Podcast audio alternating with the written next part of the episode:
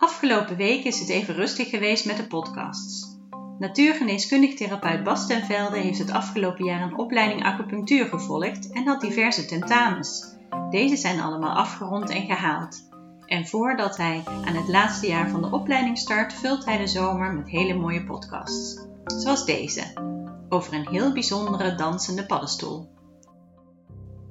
Er is een mooie sage van de jager Hiroshi die in Japan door een groot bos liep. En diep in dat bos viel door het dichte bladerdak een lichtstraal op de voet van de Japanse eik. En onderaan die eik zag hij wat glinsteren. Nieuwsgierig geworden werd hij naar die boom toegetrokken en aan de voet van die eik daar stond een enorme paddenstoel van wel een meter groot. Het was de grootste paddenstoel die hij ooit had gezien. De vlezige golvende hoeden die bogen over elkaar, zodat die leek op de waaiervormige jurk van een danseres. Gebiologeerd door die dansende paddenstoel sneed hij hem voorzichtig af. En ook het gewicht was indrukwekkend. Zelfs met zijn sterke armen moest hij zijn best doen om die paddenstoel op te tillen. Voorzichtig droeg hij de paddenstoel terug naar het dorp en liet hem zien aan zijn oma die op dat moment thuis was. Met zijn oma ging het de laatste jaren niet zo heel geweldig. Ze was al lange tijd moe en had last van de darmen. Verloor zelfs af en toe wat bloed in de ontlasting. En had wat kleine knobbeltjes op de oogleden onder de huid. En ook moest ze regelmatig eten om de energie op peil te houden. Hiroshi die maakte voor zijn oma iedere dag een thee van die paddenstoel. En dat deed haar heel veel goed. De darmklachten verminderden, de energie nam toe en ook de knobbeltjes in de huid die verdwenen. Andere dorpsbewoners die zagen die vitaliteit van Hiroshi's oma terugkeren en vroegen zich af wat zij voor wondermiddel gebruikte. En zo verspreidde zich het nieuws over die dansende paddenstoel als een vuurtje door het dorp heen en zelfs ver daarbuiten. Ziektes die verdwenen als sneeuw voor de zon, pijnen werden verlicht en gezondheid bloeide op. De paddenstoel die kreeg de naam maitake, oftewel dansende paddenstoel. En of dat nou is vanwege zijn vorm, of omdat de vinder een vreugdedansje maakt van plezier, dat is nog onduidelijk. Maar het gebruik van die maitake kent echt een lange traditie. Tegenwoordig wordt de maitake onder andere gebruikt bij darmkanker, een hoog cholesterol en het reguleren van de bloedsuikerspiegel en ook nog eens om de weerstand te verhogen.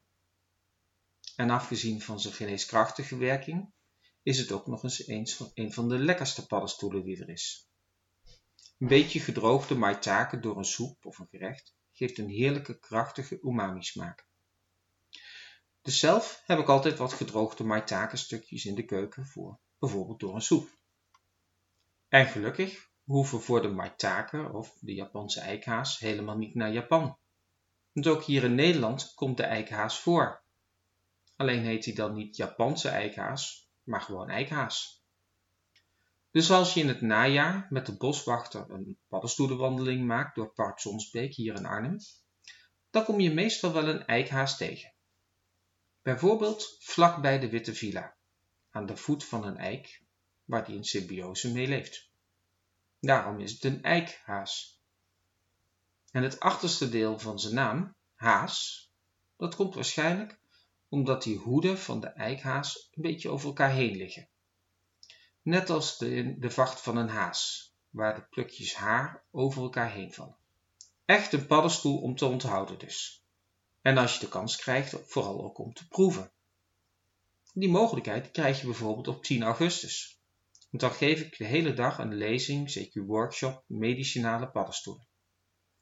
En dan neem ik ook wat eikhaas mee voor je om te proeven. En naast dat ik je heel veel ga vertellen over de belangrijkste medicinale paddenstoelen en hoe je die kunt combineren met kruiden tegen tal van klachten, dan gaan we ook die paddenstoelen kweken.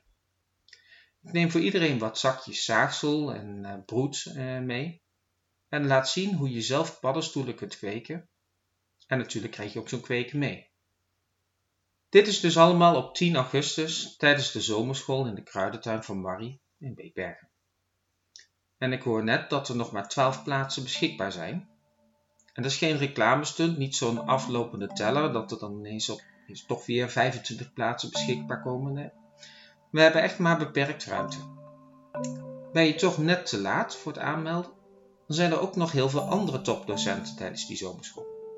Zoals Rieneke Dijkinga of Elle Wagenaar en vele anderen. Mis die zomerschool dus niet. In de volgende podcast kijken we terug op de laatste lezing over huidproblemen. Bas bespreekt hoe tallig, zuurgraad van de huid en de huidflora nauw op elkaar zijn afgestemd en hoe verstoringen ervan tot eczeem en andere huidproblemen kunnen leiden.